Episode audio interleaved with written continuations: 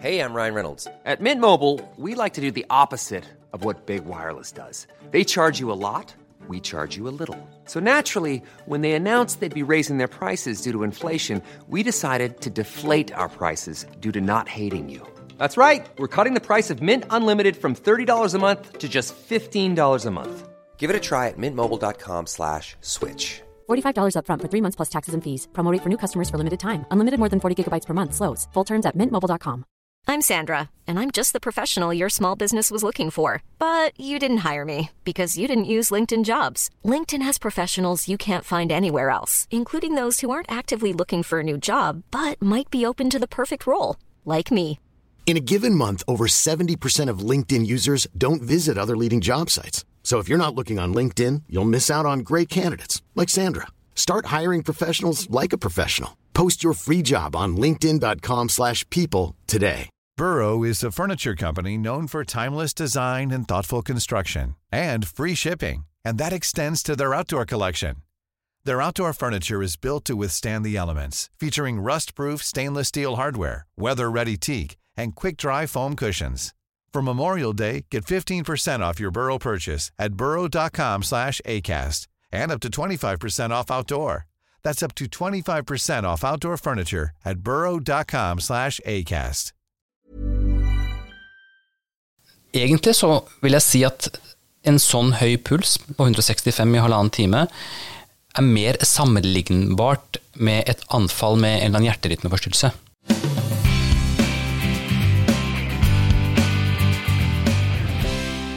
Nå er det vi tilbake igjen til da ikke en som er bilsportutøver, men han har jo litt på hjertet likevel. Tror du ikke det? Jo, det tror jeg absolutt. Han har i hvert fall eh, vist noen videoer på nettet om at den har litt å mene om motorsport. Og så er det jo noe tematikk vi skal innom som i hvert fall vi syns er relevant. Ja, absolutt. Og jeg tror jeg vet ikke, Wasim Saeed, om det er noen som har prata så mye motorsport på deg som det vi kanskje skal nå. Kanskje Atle Gulbrandsen, vår felles bekjente. Jeg er, bare, jeg er bare klar til å komme i gang. Jeg elsker å prate bil. Så det er en av lidenskapene mine. Men bil og helse, eller bil og medisin, den komboen, har du vært mye innom den før, eller? Der er det veldig mye som kan sies. Altså, der kan man jo lage så mange connections som man bare vil. Det er jo altså, Bil og helse det, Man kan snakke om motorsport og uh, viktigheten av å ha god helse der, eller være veltrent. Man kan snakke om hva bil gjør med vår helse i hverdagen. Uh, at den får oss til å bevege oss mindre. Man kan snakke om, ja, tilbake til Formel 1 f.eks., det psykiske. Hvor sterkt psykisk du må være for å fungere. Altså, det, hvis du skal koble helse og bil, så kan jeg være her til i morgen. Ja, men, vi, ja. vi, skal innom mye av Det er noen stikkord her, så Det er det. Men greia er jo din da passion for motorsport. Framfor alt Formel 1, har vi jo skjønt. Men, men, det gjør jo at du er jo gira på da, noe som har fire hjul i rattet og går kjempefort. Mm. Hva, hvorfor er du så gira på det? Hvis du ikke selv har kan du si, familie eller er aktiv selv eller på en måte har noen annen inngang, hva er det som gjør at du likevel er så fascinert og interessert i det? Altså Formel 1 det er så mye. For det første så er det jo utrolig kompetitivt og tett, selv om kanskje årets sesong ikke har vært så veldig tett. Men altså, det går jo på millisekunder, og, og de kjører rundt omkring der i flere hundre kilometer i timen, og likevel så er det bare noen få sekunder som skiller dem. Altså, det er jo så spennende. Og så er det, spesielt med Formel 1, er jo at det er liksom det er jo, De er jo stjerner, og de er kjendiser, og de omgir seg med kjendiser, og det er et sirkus, og det er glamorøst. da, Så det, det tiltrekker seg mye. Det er, det er mye, mye, rundt det. Uh, og så er jeg veldig fascinert over altså um, psyken til disse som kjører disse bilene. Hvor, uh, hvor mye stress og hvor mye press det må være på dem. Som, og samtidig så skal man liksom bare gjøre alt perfekt med bilene sine. Jeg har sett de, de ligger der i 300 km i timen, og jeg hadde jo aldri turt å kjøre i nærheten av det, men likevel så sitter de og justerer på knotter på rattet, og så samtidig tenkte jeg hvordan kan du multitaske sånn? Eh, så, altså, det er helt utrolig, og, eh, og, ikke minst, jeg er jo veldig interessert i teknologi og vitenskap, og vil si at motorsport er vel kanskje den kanskje en av de mest, eller kanskje den mest vitenskapelige idrettsgrenen. Så mye teknologi, ingeniørvitenskap, eh, alt sammen som er i forbindelse med all motorsport, egentlig, kanskje spesielt med, eh, med Formel 1. Eh, så det er, så det er, ikke mye av det som, som fascinerer meg. Det er jo, Men du kjører sjøl, prøver sjøl. Har det trigga deg, eller er du mer som foretrekker du da å sitte på sidelinja og bare nyte det som skjer? Jeg har en sønn som er veldig sånn sportsbilinteressert. og altså sånn, det er sånn at han er bitter på oss fordi vi ikke satsa på ham som Formel 1-sjåfør, mener han da. Nå, nå er han 20. Uh, for, og han, han, mener jo at han hadde talentet til å bli uh, like god som jeg vet ikke, Max Verstappen og Charles Leclerc og sånn. Men uh, og han er, han er, god også, og han har jo tatt jeg vet ikke hva det er, sånn lisens for å kunne være med på billøp. Så han, så han driver og interessert for den veien der og har utfordret meg mange ganger da, på at vi skal dra sammen på track day og konkurrere litt mot hverandre. Jeg vet, jeg har ikke kjangs mot han. Han er, han er mye flinkere enn meg. Jeg, er en helt average, helt gjennomsnittlig bilsjåfør. Eh, men jeg tenker at det hadde vært utrolig kult å bare teste seg. Bare, bare prøvd å kjøre så fort som mulig rundt en bane og se, kjent litt på de kreftene og den farten som er der. Alexander, vi har jo snakka ofte om at det her, altså, du har jo crosskarter sånn. Altså, Hvorfor dytta Wasim opp en, en av crosskartene dine? Ja, det hadde vært eh, Ja, det skulle jeg prøvd. Høres ut som å ha en sånn derre en oppsummering, pod-året, og så bare avslutte med dette mesterbøttet som jeg nevnte i en bisetning for, eh, for ja, ja, der. ja for, for, det er ikke bare asfalt, men det er også grus. Og det er ikke, ja. Jeg er med på hva som jeg sier, altså. Ja, ikke sant. Men, men, er det sånn når du ser på ja, Formel 1 og annen eventuell motorsport, altså våkner legen i det hvis det er en smell, eller hvis det er noen helt sinnssyke hastigheter du ser at det er de G-sensorene og sånne ting, altså, altså våkner sånne ting i deg også når du ser på det? Ja, jeg tror altså, Det å være lege det er sikkert forskjellig fra person til person. For meg så er det å, å være lege en del av identiteten, altså en del av personligheten. og Jeg tror, jeg tenker ikke selv over det engang, men jeg, jeg, tenker lege hele tiden. Uh, når jeg ser på all idrett, for så vidt, hver gang det skjer på, på fotballbanen skjer en skade, så jeg tenker med en gang på en måte, det helsemessige oppi det. Hva er det som har skjedd nå, hvilke, hvilke bånd er det som har røket nå. Uh, når det har vært i hjertestansene f.eks. på fotballbanen og den type ting. Og også når det gjelder Formel 1 og motorsport, så uh, spesielt når det er i forbindelse med ulykker. da. Fordi det er jo vi leger er, jo, vi kommer jo inn for å reparere skade. Når, når, vi kommer jo inn hovedsakelig når det er en sykdom som må på en måte behandles. Så når det skjer en skade, så trigger det meg veldig, og jeg eh, tenker med en gang det er helt utrolig å tenke på uh, hvor bra egentlig sikkerheten har blitt i disse Formel 1-bilene. Uh, hvis jeg tenker tilbake på det var, det var, et par måneder siden da han uh, Guan Joe Det var på Silverstone, var det ikke det? Ja, hvor han liksom går på huet ut i den farta der. og og, og, etter å ha sklidd bortover i 100 meter, så tar bilen av og over gjerdet, og, og, så går og så bare reiser han seg og går, liksom. Han satt litt fast der en periode, faktisk. Ja, det, det, gjorde, så, ja. det, var liksom, det, var ikke fordi han var skada, det var fordi bilen satt fast. Ja. Uh, det er helt utrolig at det er åpne biler. Uh, og, og, likevel så er, kommer han uskadd fra det. Det syns jeg er fascinerende. Både det med tanke på hvor mye kroppen til en veltrent idrettsutøver faktisk tåler, og hvor bra sikkerheten er. Uh, så jeg blir jo veldig sånn ja, jeg driver og tenker på det. Og f.eks. når de sitter i Jeg har jo sett på Formel 1-sjåfører at de har veldig kraftige nakker. De har eh, muskulatur i nakkene, og det er jo ikke tilfeldig når de får de G-kreftene og skal holde hodet liksom rett i de svingene. Eh, så ja, det er masse sånn medisin og kropp som jeg tenker på når jeg ser på et billøp. Min favorittnakke i Formel 1 er Espan Gutierrez. Ja, jeg, tenk, jeg tenkte på Mick Schumacher. Altså den stubben han har eh, fra hode til hals. Den er eh, fascinerende, den òg. Men, ja. ja. men det er interessant det du sier med, med G-krefter og sånt. For det, vi har jo snakka om det litt. Og en ting er disse rullingene og det fyker opp i lufta og sånt, som alltid ser voldsomt og spektakulært ut. Men sjøl så har vi hatt eh, noen avkjøringer. og jeg synes, Og det, det, ser verre ut også når, når folk går i muren. Mm. Bråstopper. Mm. Ta Schumacher i Gjedda. 270 km i timen sidelengs inn i muren, bilen deler seg i to. Mm, Hvordan tåler et menneske det? Eh, vanligvis så tåler ikke et menneske det. Det er en, det er en dødsulykke, egentlig. Uh, så jeg tenker at fordi hvis, hvis, du har en kropp som går i Hvor mye var det? 270, sa du? Ja, jeg, jeg, husker ikke akkurat tallene, men det var, det var jo ja, ja. et av partiene. Ja, det, det, det, er helt utenkelig at en kropp som går i 270 mot en vegg, overlever. Eh, så hvis det ikke hadde vært for de sikkerhetstiltakene som er der, eh, og den tryggheten som er i de, altså den, den sikkerheten som er bygd inn i disse bilene her, så hadde ikke han overlevd. Det som skjer når du går i en sånn hastighet eh, og plutselig stopper opp, så er det jo voldsomme knusningsskader på, både på utsiden av kroppen, du får masse benbrudd, og, men også på innsiden av kroppen. Hjerte og lever og lunger de blir på en måte rett og slett hva skal jeg si, røsket fra festene sine. Da. Og da får du store indre blødninger. Og hvis f.eks. hjertet sprekker, eller hjertet blir røsket fra hovedpulsåret, eller et eller annet sånt, så er det snakk om noen sekunder, så har du blødd ut. Da er du død. Eh, du kan få, selvfølgelig får du alvorlig hjerneskade og, og, og, og har ikke noe sjanse til å overleve. Så grunnen til at han overlever noe sånt nå, er egentlig altså Det var jo litt skummelt, jeg husker det da, men alle, vi så jo allerede da han var på vei inn i ambulansen at han smilte og ga tommelen opp. Så var, det gikk jo bra med han, og han var jo på beina igjen ganske kjapt. Eh, grunnen til at det går bra, er pga. Eh, teknologien og, og, og, alt som er på en måte gjort av sikkerhetstiltak i forbindelse med dette. her. Men det at han er godt trent altså, godt fysisk, altså Hvis jeg hadde sittet i bilen, jeg er jo ikke trent i det hele tatt sånn sett, mm. uh, og mye høyere BMI og alt det greiene her. Mm. Uh, hva har det å si, i tillegg til at selve bilen tar imot impacten, men også fysikken til føreren? Da? Ja, det, det, har veldig mye å si. Og, de, og Formel 1-sjåfører er jo topptrente. Det ser du, jo, De trener bare kondis og styrke og kjernemuskulatur, ikke minst. De er veldig godt trent.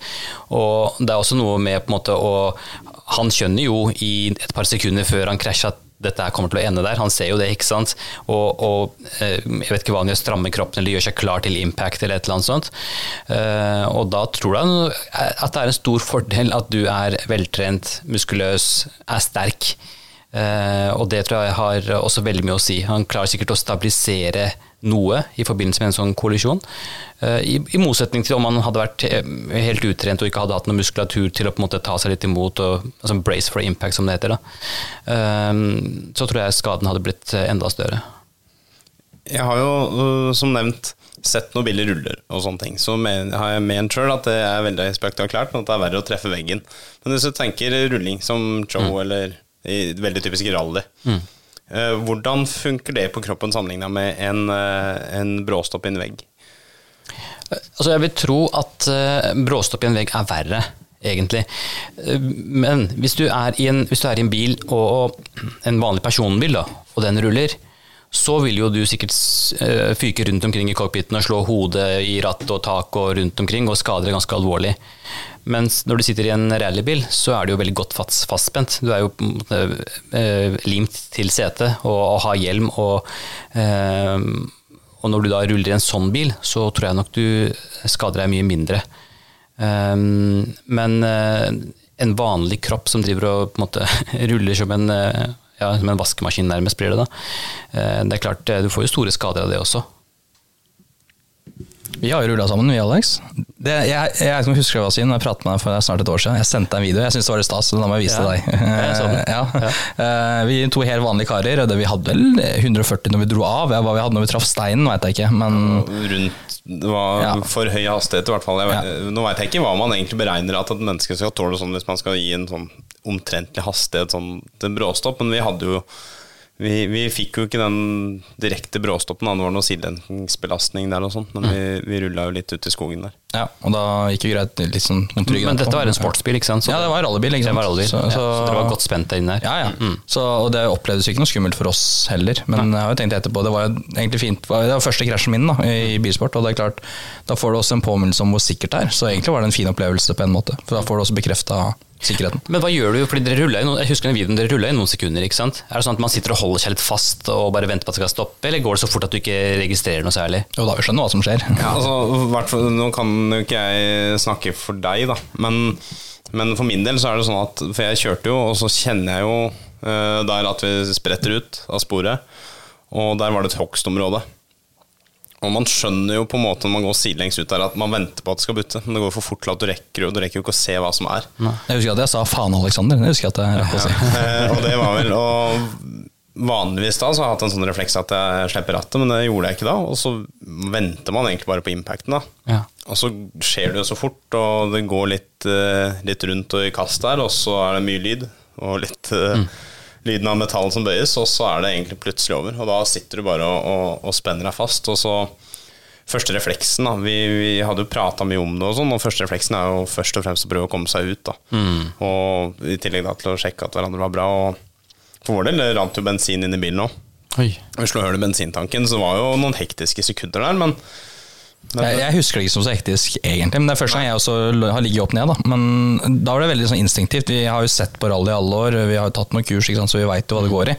Det er rart hvordan liksom det instinktet er bare sånn så lenge døra eller døra mi var vel kanskje Jeg måtte ut gjennom vinduet, tror jeg. Eller åssen var det? Ja. Men, uh, Endte dere på sida eller på taket? Nei, på taket. Liggende på taket. Men Det er også var det er sånn at man, når man har løsnet beltet, så dunk, så Ja, men holder deg fast, da. Holde seg i Ok, du holder fast, ja. Men det er litt sånn derre Det er en klassiker det òg, hvis en er litt stressa og glemmer å holde seg fast. Men klarer å beholde roen og så skjønne det eh, Jeg husker ikke nøyaktig nå, men jeg mener å huske at jeg liksom venta.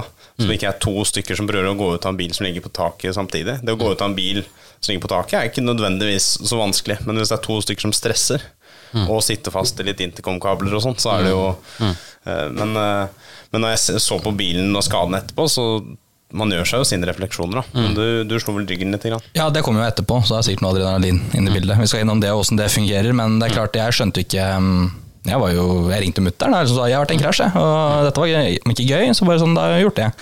Men så kom jo smerten etter hvert, ikke sant? og så kom det egentlig først på dag to at det egentlig var helt krise. Og da mente jo Nå er jeg opprinnelig fra Konsinger, og det er en sånn beef mellom Konsinger sykehus og Hamar sykehus. At de på Ja, ja. Kongsvinger mener at Hamar er totalt ræva som sykehus. Og jeg ble sendt til Hamar, og det var ikke noe å finne der. Og mora mi bare ja, selvfølgelig Hamar. Hadde jeg vært på Konsinger, hadde vært nakkekrage og rett inn og full sjekk på intensiven. Og, men, eh, men det kom noen dager seinere, faktisk. Ja. Og ja, og stolfestet hadde vridd seg, for det var jo på min side, selvfølgelig. Det er alltid men, kartleseren men du hadde ikke noe brudd, eller. Bare, bare forstått. Jeg, hadde, jeg, jeg har fått noen sånne utslitte puter nede i korsryggen, visstnok. Etter at jeg så den på MR to år etterpå. Eh, men det går fint i dag. Ja, ja.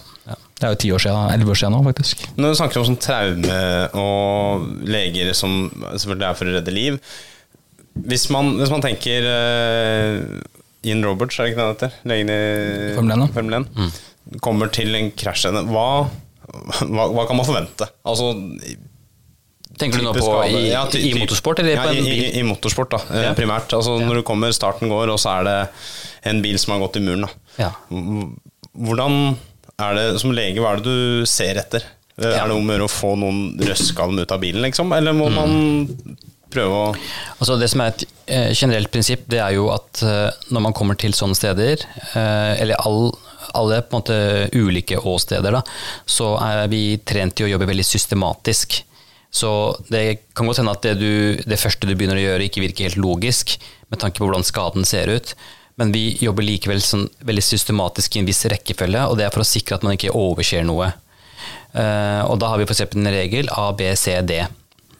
Uh, og når, uansett når du kommer til et skadested, så sjekker vi A først. Det står for airways. For Det er kjempeviktig. Se om er, er luftveiene åpne, sitter et eller annet i munnen, et eller annet i halsen som gjør at den ikke får puste. Så Det er det første man sjekker. Og også Luftveiene går også lenger nedover lungene. og på en måte prøver å gjøre seg et inntrykk av om pusten er greit. B-en står for breathing. Det er det neste vi sjekker. Puster personen i det hele tatt? Puster han eller hun normalt? Så det ser vi på. Og så kommer man til C, som, er, som står for circulation, altså blodsirkulasjon.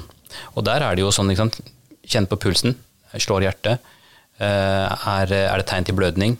Eh, Enten synlig uh, at det blør ut, eller også man må gjøre en vurdering på kan det være en indre blødning som foreligger der.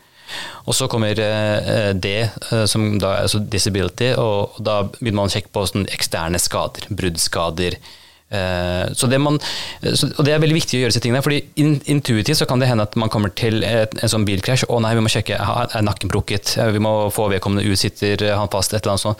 Men likevel så gjør vi disse tingene her, fordi det er, altså, pusting og blodsirkulasjon er faktisk mye viktigere enn du har faktisk brukket nakken. Fordi hvis du ikke puster eller ikke har blodsirkulasjon, så spiller det ikke noen rolle om nakken er hel eller ikke. Der har jeg hørt en historie en gang om eh, om det er riktig, vet jeg ikke, men eh, nettopp det der. At eh, man mistenkte at det var noe med nakken, men man begynte å kjenne etter, nakken. Og da skjedde et eller annet med en ryggvirvel, eller et eller annet bak, ja, som da etter hvert blokkerte pusten. Ja. Så det skal man ikke Man skal ikke drive og uh, manipulere. Så når man først gjort de første tingene, og så vil jo ofte f.eks. være bruddskader. Da. Det er jo en av de tingene som kommer når det blir såpass kraftig støt. Uh, og, og, da er det jo, og da kan det jo f.eks. være nakken eller ryggen. Og så skal man når man da skal få personen ut av vraket, så må man også tenke på å ikke få bevegelse i nakken. Så da er det jo veldig lurt å være to eller flere. da. En som har bare jobben av å, å holde rundt nakken og, og, og hjelmen eller hodet, eller noe, og slik at det, den bevegelsen ut av bilen gjøres synkront. At man ikke driver og gir eh, La oss tenke at nakken er brukket, da, og får en eller annen forverring av det fordi man ikke har vært forsiktig. Så, så man må jobbe veldig sånn systematisk eh, og når man kommer til et sånt sted. I'm Sandra, and I'm just the professional your small business was looking for. But you didn't hire me because you didn't use LinkedIn jobs. LinkedIn has professionals you can't find anywhere else, including those who aren't actively looking for a new job but might be open to the perfect role, like me. In a given month, over 70% of LinkedIn users don't visit other leading job sites. So if you're not looking on LinkedIn, you'll miss out on great candidates like Sandra. Start hiring professionals like a professional. Post your free job on linkedin.com/people today. Hey there, it's Michelle Norris. I'm host of a podcast called Your Mama's Kitchen. When I travel, I'm usually looking for a way to find a taste of home when I'm not at home. And one of the things I love to do when I am at home is entertain. And Airbnb allows me to do that. When I was in California recently, I rented a house that had a great kitchen. And when we were sitting around the table, we're all thinking, we're in someone else's house. Someone could be in all of our homes as well. If you have a home, but you're not always at home, you have an Airbnb. Your home might be worth more than you think. Find out how much at airbnb.com/slash host.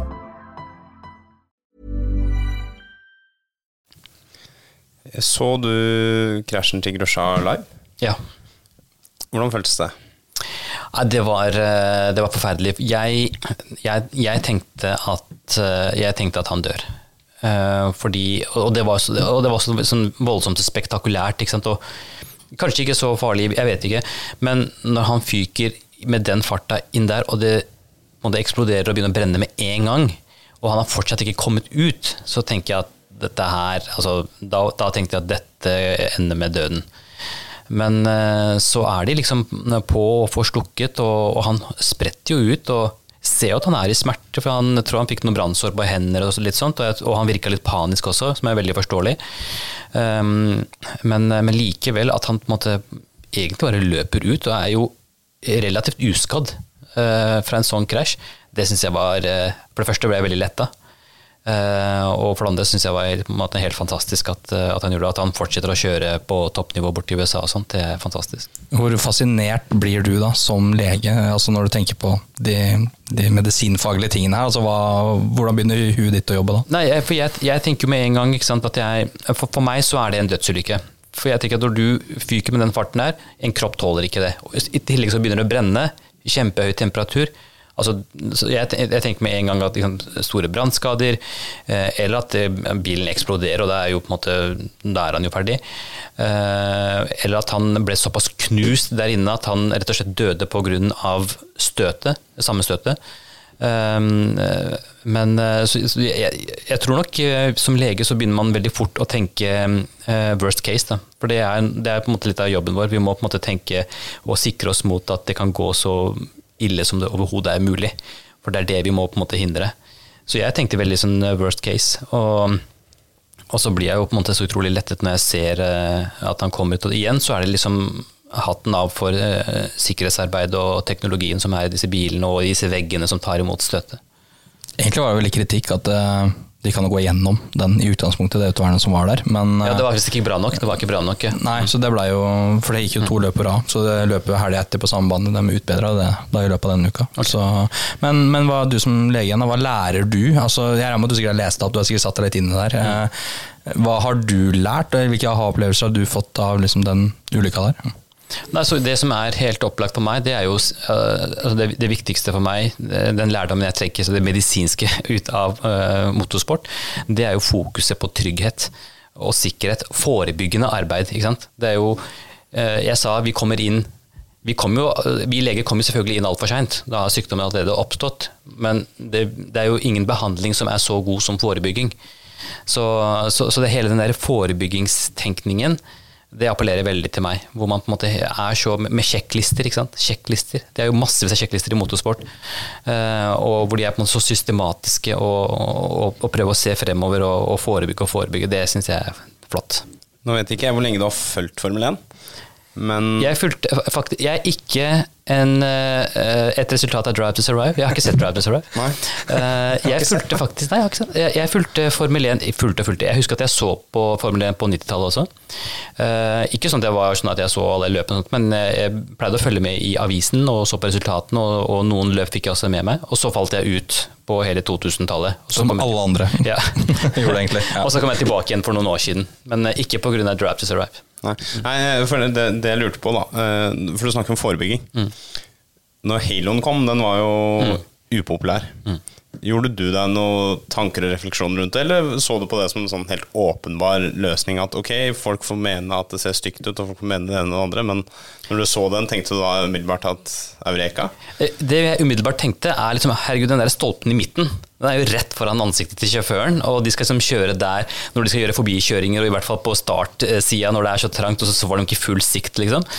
Eh, Men, eh, men jeg, skjønte, jeg hørte jo begrunnelsen, og jeg, altså, den rasjonelle siden av meg sa jo at dette her er kjempelurt, egentlig.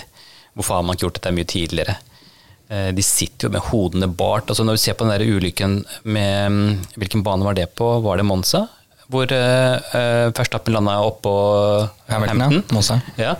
Eh, og jeg har jo sett det klippet mange ganger, og jeg er ikke helt sikker på om han hadde faktisk truffet ham på hodet, men det, det ser jo sånn ut. at- Han, han er på hodet. Det er ganske, hadde, ikke, hadde ikke Halon vært der, så hadde Hamilton blitt trøkt ned. Han hadde ikke overlevd det. Liksom, Da har du en bil på noen hundre kilo, og, og nakken blir presset ned. Du- Han hadde sikkert fått store bruddskader i nakken og ryggvirvlene. Um, så ja, helt klart, altså kjempelurt. Men eh, en ting du snakker jo om forebygging her, Mm. men samtidig alle sikkerhetstiltak, eller jeg skal ikke si alle, men det er veldig vanlig at sikkerhetstiltak kommer som følge av Mm. en ulykke, at man lærer noe av en ulykke, og så blir man etterpåklok, og så gjør man tiltak. Mm. Sammen med Elton Senna da han døde i 94, så den cockpiten var kjempeåpen. Mm. Eh, og han fikk vel, det var jo bærearmen han fikk i, i hjelmen, så da var det deler som spruta når han krasja, så det har jo Mm. skjedd ting etter det. Og ikke minst Halon som en direkte konsekvens av ulykken til Jules Bianchi. Um, ser du ting i Formel 1 nå som du tenker det her bør du gjøre noe med? Som du tenker at eh, Eller det, vi, vi får det aldri for sikkert heller, så når på en måte Ser du noen ting nå som du som lege tenker at kan bli bedre? Jeg synes jo, altså For det første så syns jeg det er veldig fint at vi har uh, fartsbegrensning inne i pit lane. Uh, men samtidig så hva er, hva er grensa der? 80 km i timen? Ja, varierende, og det som regel 80. Noen baner har 60 òg, men som regel 80. Men hvis, hvis du tenker hvis du, På motorveien i Norge så er det mange steder hvor det er 80 km i timen. Og, og når det står så mange ingeniører og arbeidere så, eh, idet de bilene kommer inn, og ofte så er det to-tre biler samtidig, så, så er de ganske close. Jeg tenker at Noen ganger så tenker jeg hvordan klarte de å unngå å krasje opp i en av de som på en måte skal skifte dekk? eller sånt? Så, men jeg vet ikke helt hvordan de skal løse det heller. da. Eh, Men jeg syns det ser faktisk noen ganger litt kaotisk og egentlig ganske utrygt ut i pit lane. Selv om de har, kjører mye saktere, men 80 km i timen, liksom en halv meter ifra beinet til en tekniker eh, Jeg lurer på hvorfor ikke den ulykken har skjedd ennå. Altså. Ja, det var, var, når var det Bahrain i 2018 18 med Kimi Räikkönen, tenker du på, eller? Men det er ikke det- så lenge siden de rydda opp pit lane. Eh, Webber i 2011 eller noe sånt og mista et hjul i pit i Påknheim, som traff en TV-fotograf. Den gikk jo rundt der, hadde på seg kjøredress, liksom. Brannsikkert. Men det gikk jo folk eh, i pit lane, så de har jo fått rydda opp en del her. da Eh, Og så har jo Fia begynt å slå ganske hardt ned på type unsafe release og, og sånne ting, så jeg tror liksom kanskje det er nøkkelen. da Men tror du det? At la oss si vi får en pit-ulykke fordi det går i 80 km i timen. Tror du vi må det fører til at eh, da blir det 60 uansett bane? Liksom. Ja, eller 40. For det, altså, egentlig spiller det ikke så stor rolle. Jeg tenker eh, Disse bilene, for, for dem, når de er ute på banen, så ligger de liksom 320-340 på langsidene. Og når de da må inn i pit og redusere ned til 80, så er det sikkert som å gå. Og da spiller det egentlig ikke så stor rolle om du kjører ned i 40 heller. Altså, hva, er, hva er forskjellen der? Det er jo Mer spennende pitstop, da. Ta enda lengre tid. Ja, ja, ikke sant. Det er jo det, men det, det vil jo være likt for alle. Ja. Nei, jeg ikke noe, noe godt uh, svar på akkurat Jeg klarer ikke å argumentere imot. akkurat Det. Eh, det er vanskelig liksom å si at det var et dumt forslag, på en måte. Altså, jeg, klart, det er jo, jeg kan jo se for meg at det blir veldig lite veld, Det ser kanskje veldig kjedelig ut, da. Ja, det kan ha ja, Nei, jeg vet ikke. Det For det, Noe av mora med Formel 1 er jo pitstoppene, og at det er hektisk. Og, og spenningen rundt hvor fort de skifter hjulene, og, og det med unsafe release og, og det å undercutte folk i, i pitstop. Det, er- noe av det er jo Skjermen er jo der. Men eh, nei, jeg håper vi ikke får noen ulykker der. Nei. Eh, En ting i hvert fall jeg har lurt på. Dette her med puls og sånt, som jo er selvfølgelig ditt eh, fagfelt. Eh, det sies, jeg, uten at jeg har sjekka det, at Formel 1 er en av de sportene man har høyest puls over lengst tid. Mm. hva slags, hva slags anstrengelse vil det være da å eh, Uten sammenligning for øvrig, da, så sjekka jeg Jeg kjørte et uh, crosskartløp nå i høst. Og det, en finale der varer typ fem minutter, og da hadde jeg pulspeak på rundt 180, og den lå på snitt 170 i den finalen. Ja. Hvor lenge var det? Fem minutter, kanskje. Okay. Ja, fem-seks minutter. Så det er ikke veldig lenge, da. Men jeg kan se for meg at en Formel 1-fører har jo fort den type puls i nærmere to timer. Hva slags anstrengelse er det på, på et menneske? Ja, altså jeg snakket med en, en norsk uh, bilracer, og øh, Kan jeg bryte inn nå? For jeg har grafen til Atle Gulbrandsen her. Ja, du har sett den du også, ja. Det var akkurat det. Han- han må- ikke- du har målt bilpulsen hans. hans. Jeg hadde ikke tenkt navnet hans, men siden du tar det opp, så er det greit. Jeg har nevnt det for den, så det er greit. Ja. Ikke sant? Og han ligger jo i 165 flatt. Hvor lenge? Eh, I 1 time og 30 minutter og 28 sekunder. Ja, herregud. Ja. Det er litt av en treningsøkt. Du kan si det sånn at um, han er vel eh, Hvor gammel er han? 45-50, et eller annet sånt? Ja, han blir fornærma på 45. Jeg tror Han er, vel, han født i 79, og Ja, okay, altså, han er 2-43. Ja. Ja. Um, og, og, makspuls for han er jo sikkert rundt eh, 180 eller et eller annet sånt. Så han ligger jo oppimot 90% av makspuls i halvannen time. Det er, en, det er, altså det er eh, Han er på peak i 1,28 og har en topp på 174. mm, Ikke sant? Og det er da, uh, en ting er Vi snakker om Formel 1 og sånn, der, Alexander, men dette er en, Atle er en av veldig mange på Nürburgring som gjør det her over den tida. Ja. Uh, og helt vanlige folk, Atle er jo relativt grei fysikk, han, men det er mange der som overhodet ikke har den fysikken, som får den samme påkjenninga. Du, du kan si at hjertet tåler det. Hjertet er jo mitt fag, da. Så jeg må jo si her hvis man, hvis man spurter, hvis man løper intervaller, så ligger jo pulsen typisk på 160-170. Eh, og så tenker man at det er jo en voldsom påkjenning, fordi man, alle som har prøvd å løpe intervall, vet, man blir kjempeandpusten og sliten og sånt. Eh, men da er det hele kroppen som er i aktivitet, og det er derfor det oppleves så mye hardere dette her, her sitter de jo Det er klart de anstrenger jo armene litt, og er på en måte, musklene er spent, men den høye pulsen her er jo ikke pga. den fysiske anstrengelsen. Dette her er jo pga. adrenalinet. Eh, I hovedsak. Eh, fordi det er så spennende, og de må være Adrenalinet bare bruser i, i blodet og, og gjør at du får mye høyere puls. Så egentlig så vil jeg si at en sånn høy puls, sånn som Atle har da, på 165 i halvannen time, er mer sammenlignbart med et anfall med en eller annen hjerterytmeforstyrrelse. Fordi der er det også sånn at du ligger da plutselig, hvis du har en hjerterytmeforstyrrelse, er det som kalles for en, en ja, flott navn, altså paroxysmal takykardi, da. Ikke sant? Det var atrieflimmer, som var et pent ord for det. Atrieflimmer er også et annet. Eh, Så, så, da, så ligger, og da får man jo et anfall hvor pulsen plutselig går opp i 150, 160, 170, mens du sitter i ro. Du anstrenger deg ikke. Så det er nesten mer sammenlignbart med det som skjer der. Det er klart, kroppen tåler det jo. Eh, og eh, i hvert fall, ikke sant, han er noen og 40 og er veltrent, så han, han tåler jo det.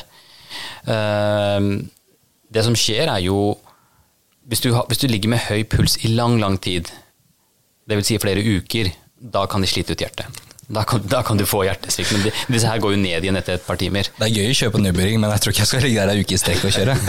Dakar? Ja. De får. Men de stopper jo også. Ja. Ja, ja. Nei, Nei, men, nei, men belastningen på hjertet er det samme som om du skulle løpt i halvannen time. Altså. Så selve hjertebelastningen i seg sjøl, den, den er lik.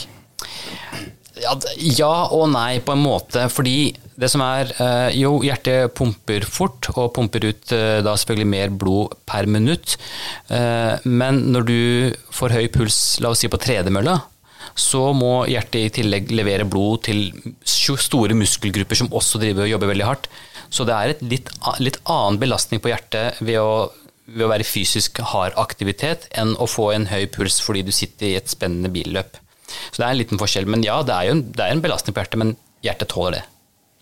Når vi snakker om det her med belastning på kroppen. Eh, som du sier, det er jo lite belastning på kroppen rent fysisk sånn eh, i en, en del bilklasser.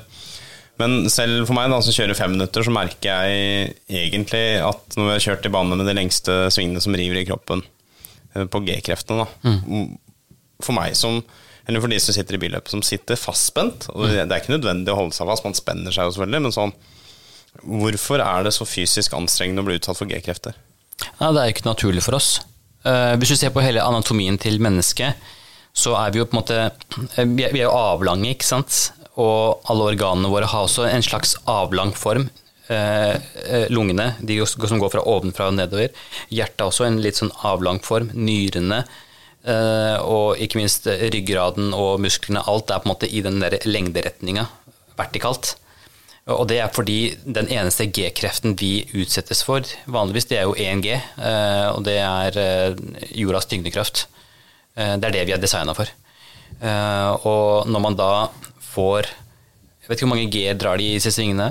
Eh, I Formel 1 så er det jo helt eh, Oppe i fire-fem på de sjukeste, men ja, en to-tre på en Ja, vanlig bane er det vel sidelengs. Det, det betyr jo nesten eh, to-tre. Det betyr La oss si hvis det hadde stått oppreist, så hadde det jo vært tre ganger din vekt. da og oppreist, og klart det er jo kanskje noen som kan klare det, men når du skal ha det sideveis, så er ikke kroppene våre skapt for det. Uh, og det blir bare voldsomt ubehagelig. Du blir på en måte sammentrøkt med din kroppsvekt tre-fire ganger til høyre eller til venstre. Heldigvis så varer det kort, da.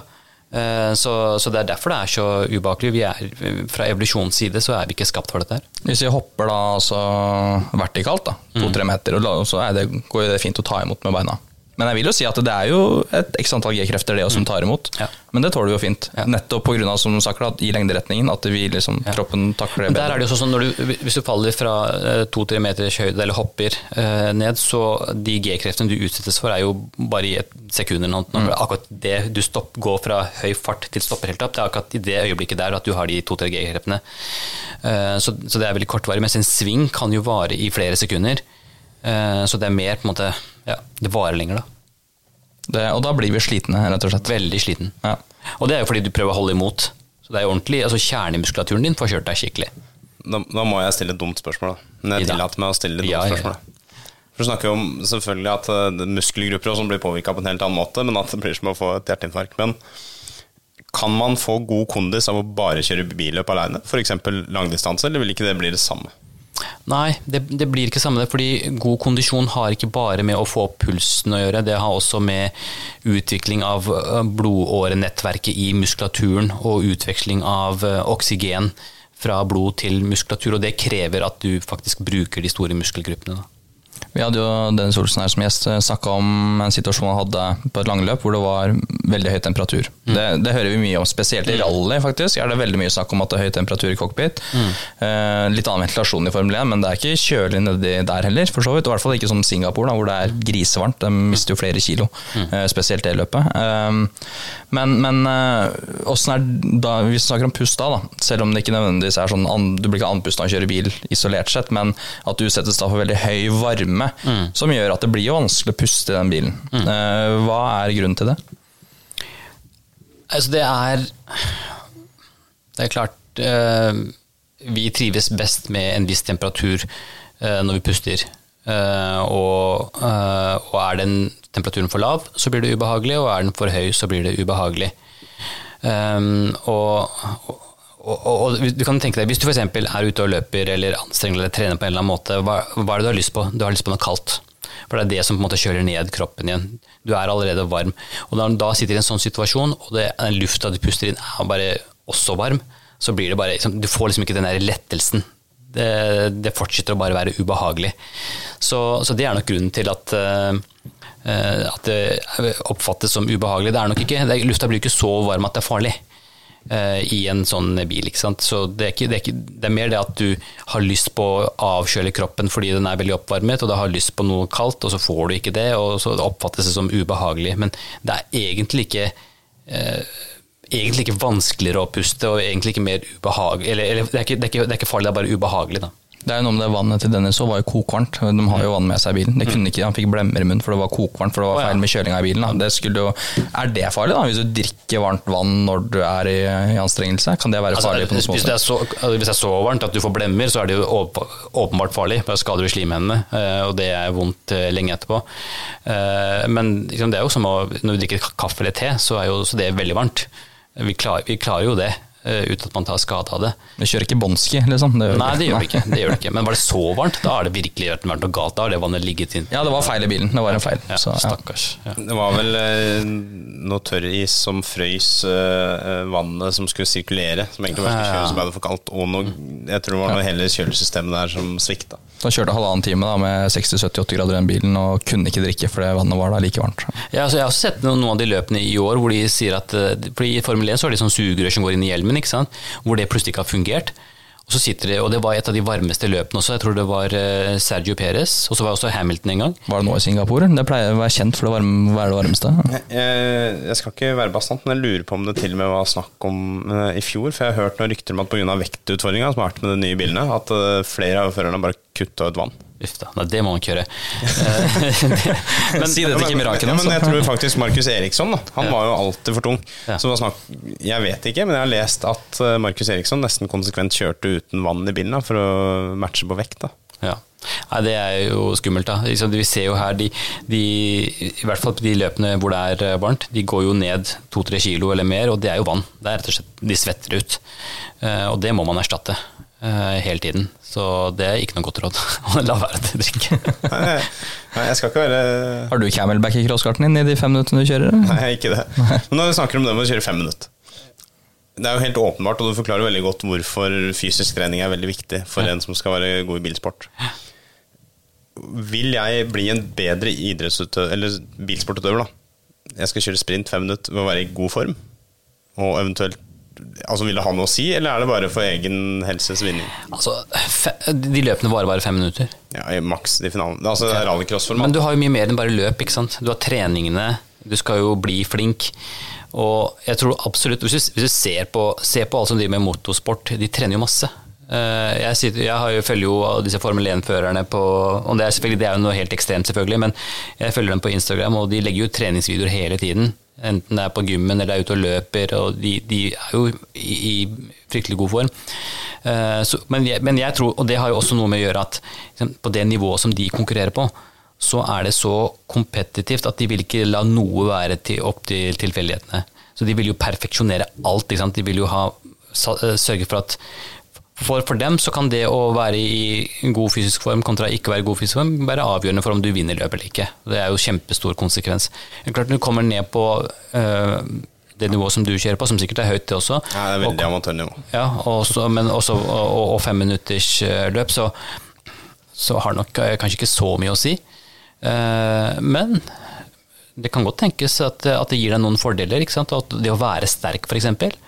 Jeg kan tenke meg, Nå har ikke jeg kjørt en bil, men jeg, jeg, jeg kan tenke meg at man må, må være sterk. Du, altså, jeg vet ikke, så må du ratte og sånt. Ja, men det er, det er ikke sånn jeg, jeg, Altså, jeg, du ser jo forskjellen på fysikken på oss, og jeg hadde jo klart å håndtere karten. Men jeg, altså, jeg vil si det Ja, men du er sikkert sterk, du òg. Jeg vil si at det er, Jeg vil påstå at det ikke er spesielt fysisk krevende sånn rent Ok. eh, styrkemessig. da Eh, For det er jo en liten lett, eh, lett kart, men, men eh, jeg tenker også da litt kanskje det mentale, da. Mm. Fordi ja, man blir vel bedre mentalt hvis man er i bedre fysisk form. Det sies altså. Selvtillit. For eksempel hvis du, er, hvis du trener styrke. En ting er at du blir sterkere, men du, du får selvtillit. Det er liksom, du mestrer noe. Eh, stadig eh, løfter tyngre på gymmen, eller ser at du får sterkere muskler eller større muskler. Så gir det deg selvtillit, og det er en selvtillit som vil spille over på andre aspekter av det du holder på med. Eh, kanskje tør du å kjøre enda råere da, når du er i god fysisk form.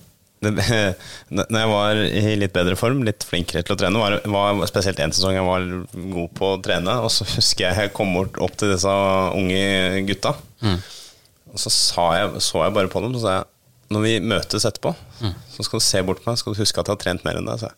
Og det var, jeg veit ikke om det var sant engang. Det, bare, det kjentes deilig. Det var som å ruse seg på sin egen selvtillit. Ja, ja, ja.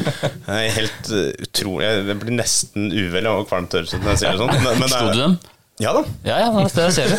Der ser du. Jeg vet ikke om det var på grunn av det, men jeg tenkte, jeg tenkte planen var jo å gi dem en eh, Gi meg selv et mentalt overtak, da.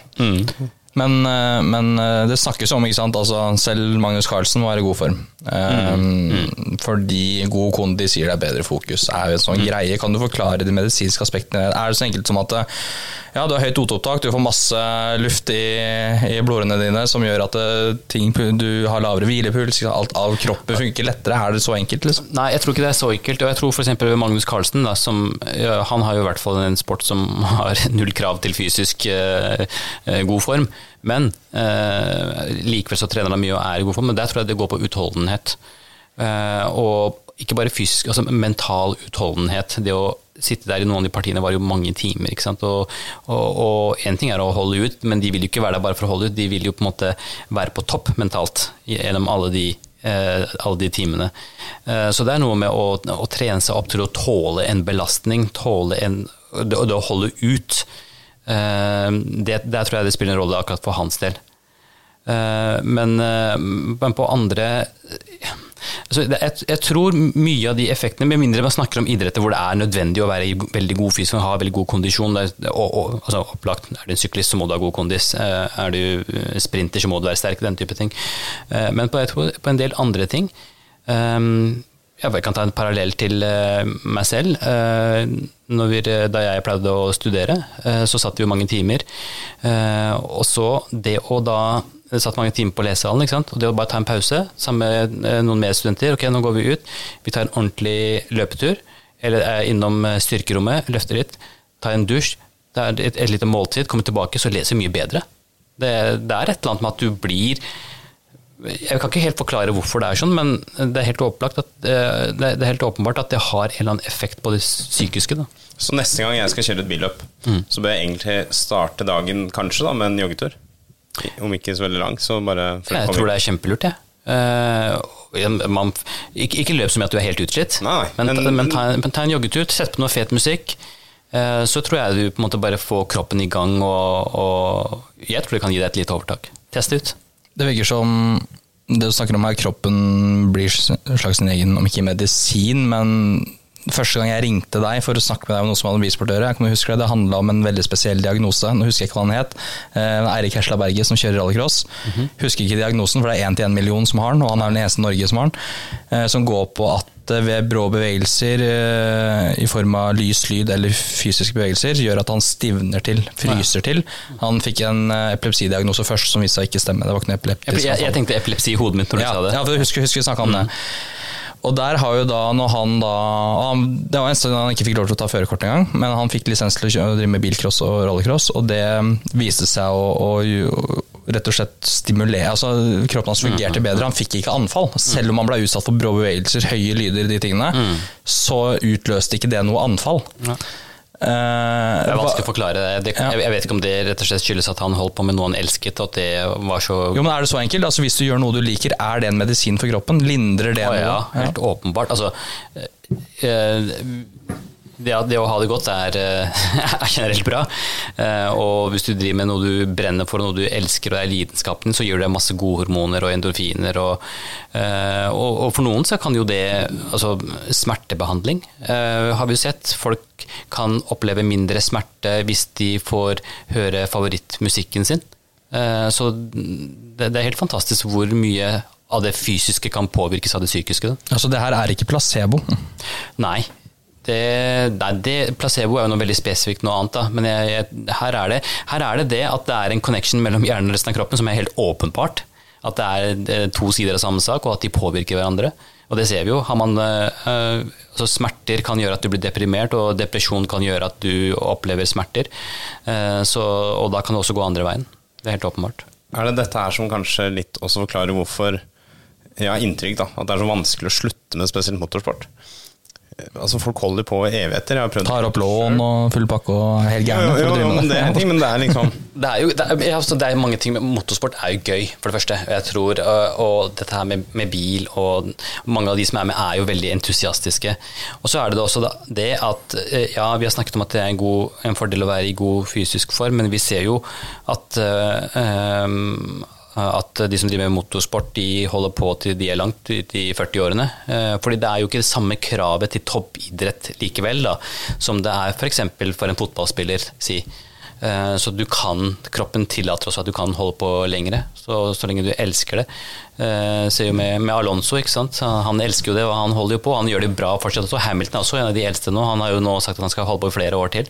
Så det, sporten lar deg altså holde på litt lengre. Hvor lenge tror du Alonso og Hamilton kan holde på? Hvis de Altså å- holde et eh, godt nivå da, før liksom kroppen sier stopp. Jeg husker jo jeg hørte David Goldhart som sa at på et eller annet tidspunkt så blir de lukene mindre, som alltid vil gå, gå for. Ja. Jeg tror at uh, Alonso, så lenge han eh, fortsetter å få kontrakter, så vil han kjøre. Jeg tror Hamilton jeg tror Hvis Hamilton får en ny dårlig sesong i 23, så er jeg ikke så sikker på om han er så motivert lenger. Jeg veit ikke. Jeg vet ikke om han klarer å gi seg på Jeg, jeg tenker Han skal ha en åttende, jeg, jeg, tenker du? ja, eller jeg tenker han er for god til å gi seg uten å få eh, Før han har hatt et nytt reelt sjanse. Ja. til tittelen. Jeg, jeg tror egentlig han kan finne på å gi seg uten å vinne, men jeg tror bare han skal Men hvis de, måte hvis de ser, føle at han liksom maksa det han Ja, han er jo, han, Han er han er jo ja, han er ekstremt god, men han er også en veldig vinnerskalle.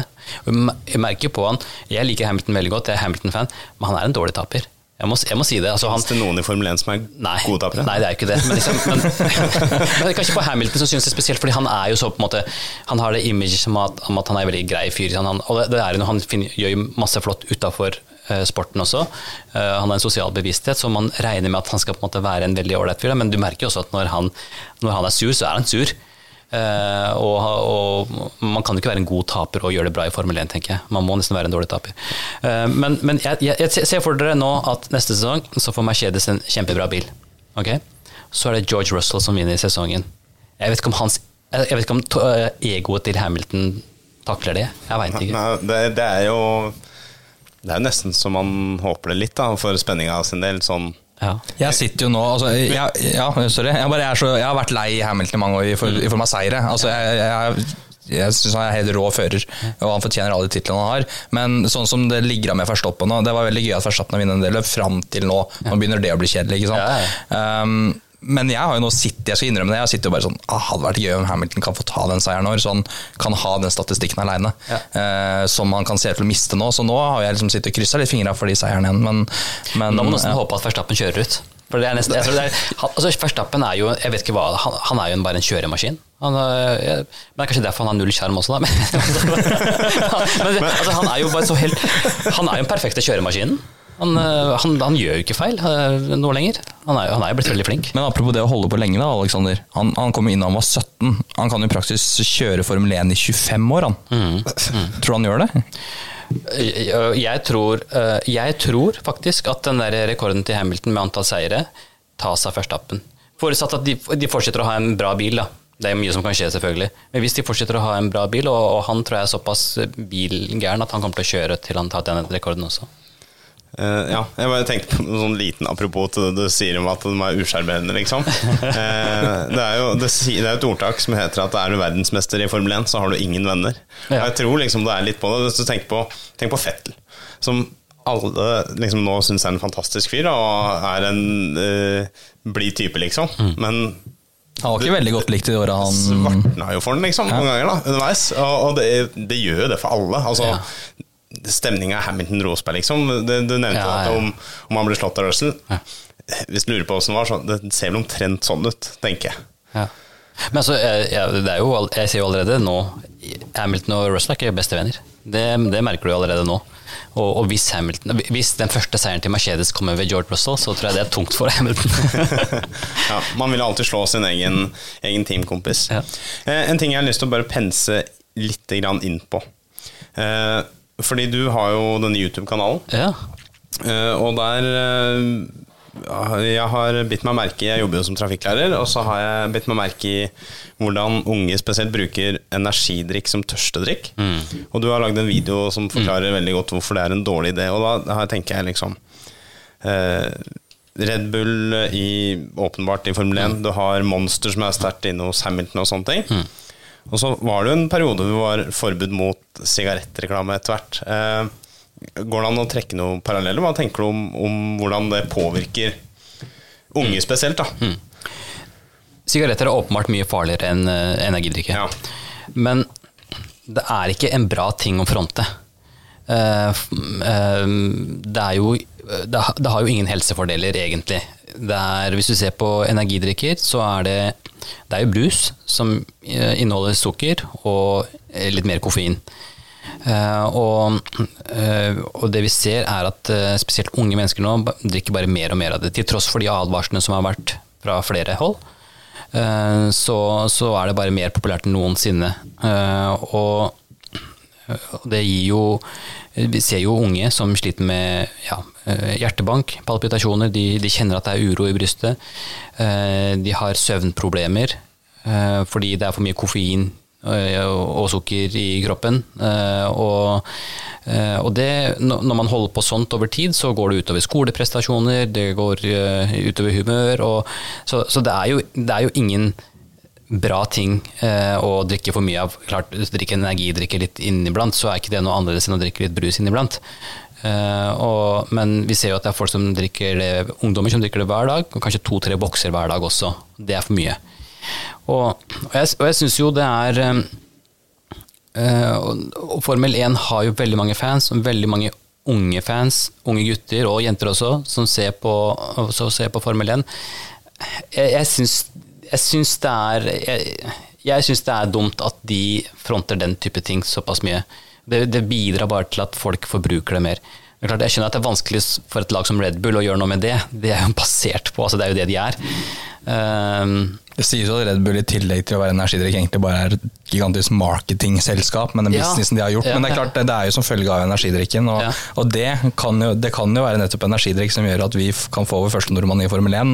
Ja. Du da som, som lege og da Formel 1-fan, hva slags dilemma er det som knyter seg i kroppen din da eventuelt, når jeg hører hva du mener om energidrikk? Da? Nei, men altså, jeg, jeg, hvis du ser på eh, Dennis Hauger eh, eller Max Verstappen, de tror jeg ikke drikker eh, Red Bull. Jeg tror de flaskene som de får etterpå inneholder vann, eller kanskje noe vann tilsatt noen næringsstoffer og sånt. Jeg tror ikke de sitter og drikker Red Bull akkurat, fordi de vet, de, jo, de behandler jo kroppene sine som templer. Eh, Så de eh, gjør jo kun det som Jeg er sikker på at de har egne diettplaner og spiser kjempesunt og er veldig forsiktige med hva de putter i kroppen. Eh, Men, og, men altså, nei, jeg, jeg, vet ikke hva jeg skal si. Jeg vet jo at dette det er mye penger, og det er, det er store selskaper som står bak disse tingene her, og det er vanskelig for eh, oss her å gjøre noe med det. Men hvis du skal komme med en liten oppfordring, da. og Jeg vet at uh, i hvert fall en del av våre lyttere er bl.a. Uh, crosskartutøvere, unge bilsportutøvere. Når jeg er på billøp, så ser jeg mange av dem gå rundt og bruker, drikker energidrikk, f.eks. Og de tror kanskje også I forbindelse med løp også. Ja. ja. Ja, Og, uh, er det liksom så enkelt som å si drikk vann? Ja, helt klart. Vann er den beste tørstedrikken. Er du, er du tørst, eh, drikk vann. Og hvis du absolutt eh, hvis du absolutt må ha noe annet å kose deg med, så vil jeg jo si at altså, da får du heller gå for sukkerfrie alternativer, så de i hvert fall får bort sukkeret. Men så er det det at disse tingene inneholder en del koffein, eh, som jo påvirker søvn og kan gi hjertebank og sånt. Men jeg skjønner at de tingene er her, det er lovlige produkter, de finnes på markedet. Greit, kos deg med det iblant, men ikke drikk det hver dag. Så det er ikke prestasjonsfremmende, med andre ord. Det er klart, eh, jo. Skal man være ærlig. Jo, det, altså, eh, koffein kan jo eh, fremme prestasjonen litt.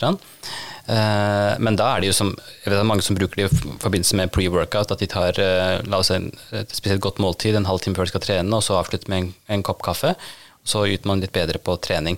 Men det er, det er ikke den store forskjellen, altså. Da kan man heller ta en koffeintablett, liksom. Eller bare drikke eller, altså jeg vet, til, til ungdommer så vil jeg si at de har mye mer å hente på å ha et sunt og variert kosthold som består av disse kjedelige tingene med grovt brød, ost, grønnsaker, få liksom kylling og fisk og kjøtt. Og det, det er liksom det er 95 Eh, Begynn der, tenker jeg. Melk, det er bra. Melk er eh, Det er jo Landon Norris sitt eh, varemerke, nærmest, er det ikke det? Men det var det. Han er litt barnslig ellers også. Men det er bare at jeg er sånn lita god på han, egentlig, for å få det litt ordentlig. det jeg også har tenkt på um, Tilbake til dette med påkjenning på kropp. Eller hadde du mer du ville snakke med Wasim om energidrikk om, Alex? Nei, er- du så litt gira ut. Nei, jeg bare uh, fikk bekrefta mine mistanker, da, egentlig. Jeg tror hovedkonklusjonen der er liksom Kos deg med det iblant, men ikke la det være noe som du har til vane å drikke i forbindelse med trening eller hver dag eller et eller annet sånt. Jeg tenkte på dette med påkjenning på kropp igjen og bilsport. da, eh, og Fysisk form, alt det her.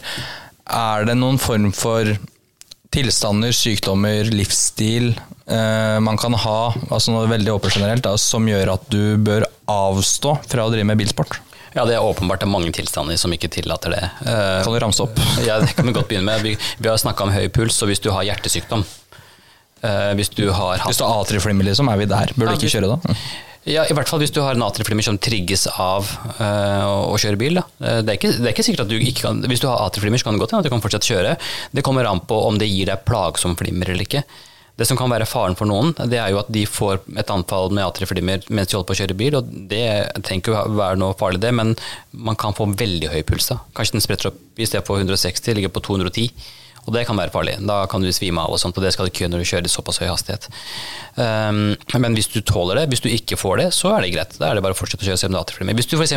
har hjertesvikt, så vil jeg tenke at da skal du ikke. Men det, Det er grader av svikt òg, så hvor heftig svikt skal den svikten være? ja, hvis du har noe mer enn moderat til alvor, nærmer deg fra moderat til alvorlig hjertesvikt, da, og pumpekraften er betydelig redusert, da, du, da bør du nok ikke kjøre. Da tror jeg ikke du har lov til å kjøre engang.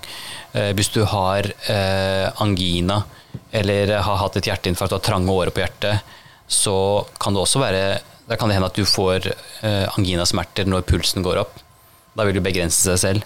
Og så er det selvfølgelig en del andre tilstander. Hvis du har ryggskade, hvis du har en eller annen muskelsykdom, leddgikt Det kan tenke meg at det kan være vanskelig for noen. Men i alle disse tilstandene her, og det er mange andre tilstander også som vi ikke har snakket om, mange nevrologiske tilstander som er lammelser, og det er, et helt hav. Men ved alle tilstandene så kommer det selvfølgelig an på graden av plagene dine, og hvor, i hvor stor grad du er hemmet. Eh, Så det kan godt hende at alle disse tilstandene vi snakket om, kan tillate at du kan kjøre billøp, og det kan også hende at du ikke kan gjøre det. For så vidt jeg vet, eh, for å utløse en norsk lisens, så er det ikke noe krav til helseattest. Skal du ha en internasjonal lisens, så er det er det. det. Mm. Hvor man altså går gjennom en del sånne ting, men burde man selv på norsk nivå kanskje, i hvert fall fra en viss alder noe, det er egentlig ikke noe logikk i at det skal være det på internasjonalt nivå, ikke på norsk nivå. fordi em, når vi kjører rallycross eller hva, det er her i Norge, så, så er det jo påkjenning for kroppen også. Det er litt samme som akkurat har begynt med førstehjelpskurs. Ikke obligatorisk ennå, det har vel jeg også snakka med deg litt om før. Jeg gjorde litt journalistikk på det for et par år tilbake, eh, hvor det ikke er noe krav til førstehjelpskurs i rally spesielt, da, for der kan du møte på ikke sant, forulykka i en annen grad enn på en bane. Uh, Men vi innfører jo nå da førstehjelpskurs i norsk bilsport. Ja. Men det er ikke påkrevd for å utløse lisens ennå. Men det blir litt på samme måte, altså, for det har jo vært påkrevd for å kjøre internasjonale løp. I hvert fall VM og EM. Eh, Jeg tror det er en fordel å samkjøre de reglene. Ja, ja. Det er, jo, det er jo en grunn til at de har det i internasjonale løp også. Og det, det koker jo ned til menneskelig sikkerhet og trygghet, så det, hvorfor skal man ikke ha det her? Det jeg også har tenkt på er jo en ting, vi snakket om sykdommer, jeg tenkte på også tilstander eller livsstil òg. Jeg tror vi har mye ymse livsstiler blant eh, lisensierte utøvere i, i Norge. Eh, Ut ifra sånn som du kan fysikk og, og, og medisin, er det noe folk bør gå i seg sjøl og tenke etter at eh, Jeg veit ikke om eh, altså kan man ha, Finnes det såpass ekstreme livsstiler som at, gjør at du ikke bør kjøre bil? Jeg vil jo si at hvis du har et alkoholproblem, så bør du ikke kjøre billøp, for da er sjansen til stede. Hvis du har et ordentlig alkoholproblem, er at en dag så møter du opp med promille og er en fare for deg selv og andre. Eh, Så det er helt åpenbart. Eller andre rusproblemer.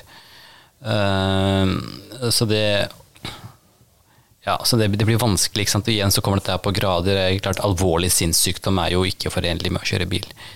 Eh, Men det tror jeg de heller ikke gjør, stort sett. Hvis man har så usunn kosthold at man er høy, svær, altså langt over eh, anbefalte BMI-grenser, som gjør at man, kroppen har det tungt, da, selv om man kan være glad og fornøyd med å kjøre bil. um, altså hvilken, Hvor stor risiko, da, la oss si man er ute for en ulykke, og man med ganske dårlig helse og dårlig livsstil utsettes for en ulykke, enten det er rulling eller bråstopp, som vi har vært innom, at man drar på seg større skader da, enn å være helt gjennomsnittlig eller, eller da godt trent? Ja, ikke sant? og det, det kan jo tenkes. Eh, Det kan tenkes at eh, eh, hvis du er, har en veldig dårlig livsstil og er du, du nevnte dette her med å ha veldig høy BMI. La oss si at man har en person da som sliter med stor overvekt, og kanskje skjuler det seg høyt blodtrykk under der, kanskje skjuler det seg hjertesykdom under der som ikke er erkjent. Eh, og så kan jo da hende at når man da først kommer i en ulykke, og vi har snakket om at eh, når man kjører sånn, så ligger man med høy puls, eh, med høyt blodtrykk, det er belastning på systemet. Og så kan det jo tenkes i noen tilfeller at du er egentlig såpass dårlig form at du ikke tåler det, eh, og at det smeller. eh, Ikke et bilkrasj, men at du kanskje utløser et, si, et hjerteinfarkt eller et eller annet sånt under en sånn hendelse. Jeg tror det er lurt å være i noenlunde god form, men klart du trenger ikke å være supergodt trent for å kjøre billøp. Eh, Men når du trekker frem et sånt eksempel, så, så tenker jeg at da, da er nok man i ganske ekstremt dårlig form, da. Hvis man skal ha sånne risikoer. Det finnes jo noe av det, gjør det ikke? Ja, Det blir uansett for min del å finne frem jog- joggesko igjen, uh, merker jeg. Du ble gira du på løpet nå? Mm, Nei, jeg blir jo aldri Det er det. Men, eh, Det er mer nødvendighet. ja. Men ehm, jeg, jeg må stille et litt rart spørsmål. En ting jeg lurt på Jeg kom på nå at jeg egentlig ikke noe, finnes noen medisinsk forklaring på hvis jeg, Når jeg skal kjøre billøp, så blir jeg nervøs. Og rett før eh, jeg skal kjøre, så må man alltid da veldig på do som nerve av det. Hva, hva, hva slags mekanisme er det? Hvorfor blir man kvalm og dårlig og uvel? Og jeg tenker, jeg vet ikke hvor mange ganger Må du gå på tisse eller bæsje, tenker du på? Alt mulig. Altså, jeg, jeg tenker for min egen ja, men jeg, jeg vet ikke hvor mange ganger jeg har tenkt Det gjelder alle, altså, eller mange, jeg, mener jeg har jeg. tenkt så mange ganger minutter før start, halvtime, time før start, så jeg har tenkt sånn Når er det siste gang jeg gjør det her? Jeg skal aldri gjøre det igjen. Og aldri, har vi som vi har snakket om, det er veldig lenge, men det går jo én time, da, så gjør jeg det igjen. Hva, hva skjer der? Nei, det er, eh, det, dette her er på en måte biologiske prosesser som vi har i oss. Eh, Vi har jo et nervesystem, et autonomt nervesystem som regulerer ting som eh, ja, alt fra vanlig puls og blodtrykk og pusteevne til tarmfunksjon og vannlating. Og det, det, er, det er ikke noe man det, er noe kroppen gjør automatisk, det er ikke noe man tenker at man må gjøre. Og når du er, i, når du er veldig gira og er nervøs og på rett før et eh, løp, da, så er det sannsynligvis veldig svingninger i det autonome nervesystemet, hvor eh, de to, det autonome nervesystemet består gjerne av det sympatiske og det parasympatiske nervesystemet, som har litt motsatte funksjoner. Sannsynligvis så er de i en sånn periode før et løp hvor det er på en måte litt sånn kniving mellom de to systemene. Og, og, og f.eks. tarmtømning, det er jo regulert av dette systemet her.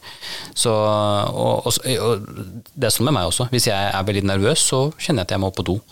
Eh, Og jeg, jeg vet ikke, det er kanskje, kanskje kroppen holder på å gjøre seg klar til at nå om en time så kommer det en eh, kraftanstrengelse som kommer til å kreve det meste av meg. Det er bare å kvitte seg med avfallet her og nå, bli ferdig med det, slik at du kan gå inn i den situasjonen der. Da. Ja, sannsynligvis så er det nok at du har en aktivering eh, av det autonome nervesystemet, og at de to forskjellige systemene kniver litt mot hverandre, og så får man litt sånne rare fenomener. Vet du hva, Alexander? Nå kan vi gå inn på Wikipedia og det store norske leksikon, eh, skrive 'rallymagi' i tittelen, og så tar vi og siterer de to siste minuttene av Asim her. Så har du egentlig fått svar på det vi har lurt på siden vi debuterte sammen i rally i 2008. Ja. Uh, og, ja. Og, og når man står liksom i tidskontroll, eller før TK som det heter, og venter på, å kjøre ut på fartsetappen i rally, så det er mange som kommer gående opp fra skogkanten og skråninger og bleike, og det er Men så har du kanskje også merka at, eh, og det gjelder overalt når man er nervøs, er at når du da, du kan jo være nervøs og det kan være til uvel i magen og kvalm og litt sånt, men idet det setter i gang, og så, så er alt det borte. Ja, og det er derfor man går i gang og har glemt at man aldri skal gjøre det igjen for en Ikke sant? For Du får en bra opplevelse uansett etterpå. Men det som da det skjer, er at når du da er i løpet, så er det den delen av nervesystemet som heter det sympatiske nervesystemet, som er virkelig i, i aktivitet. Og det er det som er da fight or flight. Det er det som gjør kroppen klar til å enten kjempe eller stikke av. For det er en veldig sånn anstrengt situasjon. Da har du masse adrenalin i kroppen som gjør at pupillene utvider seg. Du ser bedre. Eh, Luftveiene åpner seg slik at du puster bedre. Eh, Blodårene strammer seg slik at eh, blodtrykket øker. Og tarmfunksjonen snurpes igjen, slik at ikke det skal være en plage. For du har ikke tid til å gå på do når du skal på en måte kjempe for livet ditt. Så Det er derfor de tingene forsvinner, for da blir du så på en måte agitert og aktivert da, at disse andre tingene her, som at det at du må gå på do og sånt, det, det bare forsvinner. Jeg har aldri hørt om en rallyfører som har bæsja på seg inne på den etappen. Hm. Jeg har aldri spurt. Nei, men, eh, Men, eh, men ja, men det, høres jo litt logisk ut på mange måter. da. Eller i hvert fall at det er mindre sjanse, selv om du kanskje må mye på do før en etappe. Ja. Det, jeg, det gir jo helt mening sånn medisinsk, men det, det er veldig rart å stå oppi det. Og spesielt det derre eh, De nervene, altså. Jeg, det, det blir verre, vet du. Når jeg, når jeg er blitt eldre nå. Jeg skulle liksom Jo mindre Ja, nå sist så var det ikke så For da tok jeg det virkelig som en kosetur, da. Men det er nesten uansett så jeg, jeg blir altså Når det tighter seg til, liksom. Det blir sånn vollgrav rundt bilen min, for jeg har gått liksom 400 Å, ja. Bare går, klarer ikke å være rolig. Altså, det er jo helt dustete. Men eh, man får jo, som du sier, man får det fokuset man går inn i, i modus. Eh, det er jo en grunn for at disse Formel 1-førerne som vil være i sin egen boble, da. Det er jo, apropos det å snakke om, det, det er jo dokumentert i Rush, men det er jo også basert fra virkeligheten. Det, men du har sikkert sett Rush-filmen, regner jeg med? Nei, hva er det? Oi! Formel 1-fans som ikke har sett Rush? Nei, jeg har ikke det. Da må du hjem og inn på Viaplay, Netflix eller den som har det. Det er jo fra 1976-sesongen med Ja. Nicky Lauda og James Hunt. Det er en av de mest klassiske sesongene i Formel 1s historie. James Hunt han spydde vel før hvert løp, Oi. da han måtte kaste opp. Ja. Han var så nervøs. Uh, ja. Så det, og sånn tror jeg mange også har det. Jeg hører om det, at det. Men det er jo kanskje i samme mekanisme, bare at det, det kommer ut andre veien. Da. Mm. Ja, det er noe det samme. Men så igjen, så når de først kommer i gang, så har de gitt seg. Er rart med det. det, er det. Veldig, veldig fascinerende. Men, men er du god på ortopedi? Eh, nei, jeg er ikke- god på det, men jeg, er klart jeg, jeg kan jo litt om det. Det kragebeinet ditt, Alexander. Ja. Kan du kanskje få en ny vurdering om det, var, om det egentlig er så lurt å kjøre crosskart med det kragebeinet ditt? Jeg fikk jo beskjed om at det ikke var lurt. Nei, altså Jeg tryna på sykkel for Ja. eh, litt over et år siden, og så fikk jeg ganske stort brudd, og så fikk jeg en sånn plate. Du har operert. Ja, Og den gjorde jo at eh, det var jo helt umulig for meg å kjøre billøp, fordi det gjorde vondt da, rett og slett mot huden. Så fikk jeg litt nok av å ikke kjøre billøp, av denne avhengigheten. da. Så tok jeg ut den plata i høst, mm. det vil si i august, og så fikk jeg beskjed om at jeg kunne begynne å ta det litt pent etter ca. sju uker. Sju uker og to dager etterpå så var det NM-finalen på hjemmebanen min på Gardermoen. Så den hadde jeg lyst til å kjøre. eh, Som gjorde at jeg måtte trene uka før. Jeg hadde ikke sittet i en løpsbil før jeg tryna på sykkel. Det er klart det var jo vondt. Jeg kjente jo på det, men jeg tenker jo Han sa jeg kunne begynne pent. Jeg kjørte rolig, jeg. Men eh, det er jo det er en belastning. Men eh, jeg, jeg, jeg var jo av den oppfatning, eller tenkte Jeg spurte aldri noen, men jeg tenkte jo at jeg skulle la smertene styre, og hvis det blei for vondt, så, så gir jeg meg bare. Ja, det går jo som, eh, Og du kan tenke hvorfor sier man syv uker, og hvorfor ikke seks og en halv eller åtte? Altså, det er jo et gjennomsnittlig. For noen så går det sikkert greit å begynne allerede fra uke fem, andre må kanskje vente til uke ni eller ti. Så vi er jo alle forskjellige. Og, og hvis det gikk greit, så har det tydeligvis gått greit for deg. da. Det er bra. Ja, nei, jeg, Jeg synes ikke man kan Min holdning til alt mulig sånn av medisinske tilstander og altså Jeg har veldig høy terskel for å si til pasientene mine at vet du, du bør slutte med lidenskapen din fordi du har denne sykdommen her. Det syns jeg blir helt feil. Da, da, skal det være, da skal det være veldig farlig for den, eller i hvert fall en betydelig risiko for den personen å, å drive med den aktiviteten der. Men du skal ikke ta bort livsgleden fra folk. Uh, så, så jeg syns det er helt riktig holdning å be deg prøve, begynne å kjøre. Eh, og funker det, så er det bra. Og funker ikke, så får vi ta en ny titt på det. Liksom. Så får vi se om vi kan gjøre noe annet. Men liksom, eh, jeg, hadde en, jeg hadde en pasient her som eh, han var 85 år og hadde hjertesvikt og pacemaker og sånt. Og så kom han til kontroll hos meg. da, Han var litt sånn svær og ble jo tung i pusten da han gikk fra korridoren og inn på kontoret. Og så satt vi og prata litt sammen og fortalte han at han eh, nå i sommer da, så skulle han til eh, Han hadde som hobby det var å eh, seile båt nedover i Europa, for det finnes en kanalforbindelse. Du kan komme helt ned til Middelhavet gjennom Europa. Eh, så tenkte jeg bare Jesus, skal du gjøre det, liksom? Eh, så, så spurte jeg bare sånn der, Ja, ok, så du skal vel ha med deg noen, da? Så sa han ha med meg? Hvorfor det? Han ble jo fornærma fordi han skjønte altså, han, eh, han skulle han skulle jeg, jeg tenkte inni meg at Så tenkte jeg ok, vet du hva, dette er det han elsker, det er det han brenner for. Det verste som kan skje, da, det verste som kan skje, er at han seiler båten nedover, så blir han dårlig, så dør han kanskje på båten sin, da. Men han er 85 år. Og skal man liksom Bare for at han skal, skal man si til han at nei, du får ikke lov til å seile båten, det er det han elsker mer enn noe annet i livet. Selvsagt skal man få lov til å gjøre det. Så det er min holdning til eh, når folk har en lidenskap, så skal man ikke la sykdom og kropp være i veien for det, med mindre det er helt umulig. Da. Nei, jeg, jeg spurte jo egentlig aldri. Uh, men eller, eh, etter første operasjonen så sa jeg, spurte jeg han uh, Når jeg var til kontroll, så spurte jeg Er det sannsynlig at jeg kan kjøre igjen. Og så sa han bare at du skal ikke se bort fra det, men du må la smerten styre. Da, så jeg fant ut at det gjør sikkert mindre vondt hvis jeg tar bort en plate, og Det fikk jeg rett i, så jeg har egentlig ikke dårlig samvittighet overfor egen kropp ennå. Nei, det er bare å kjøre på. Ja, jeg er helt enig. Ja, har du mer på hjertet? Apropos hjerte, det er hjertelege. Så. Nei, jeg har egentlig Jeg, har fått, eh, jeg syns jeg har fått veldig mye kule, gode svar. Husker du ABCD? Jeg skal lese meg opp på det. Ja. Airways, breathe, eh, Circulation, circulation disability. disability. Ja. Ja. Tar notater. Men det der er jo faktisk noe egentlig alle bilsportører bør merke seg. La oss si rallyførere som kommer da til forulykka og de ikke er ute av bilen ennå. Da er det ABCD, altså. Ja. Så jeg vil si at da må vi altså, ta kurs i førstehjelp. Da Da Ja. får man jo lære seg tingene her, og også andre nyttige ting. Ja. Selvfølgelig. Hvem eh, håper du holdt på å si håper du blir verdensmester?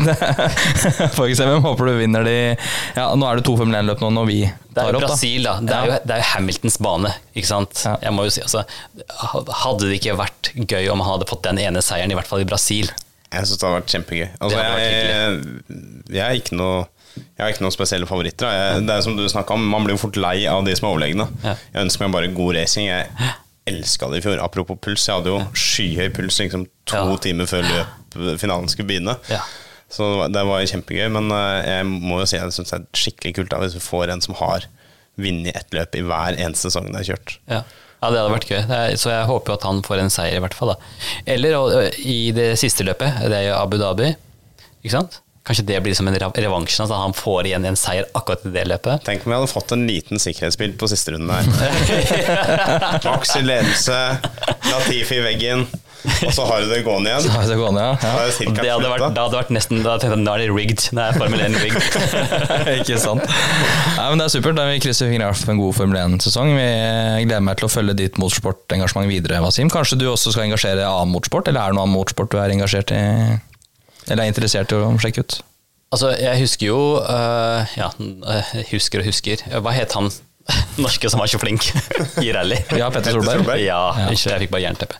Jeg husker det var gøy å følge med. Det er jo gøy når det er på en måte personligheter som, og noen du på en måte har et forhold til. Han var nordmann, så han hadde vi et forhold til, og det, det, det blir jo gøy. Så Uh, når det kommer flere flinke norske, så skal jeg Og pga. på grunn av Dennis Hauger så følger jeg med i Formel 2 også.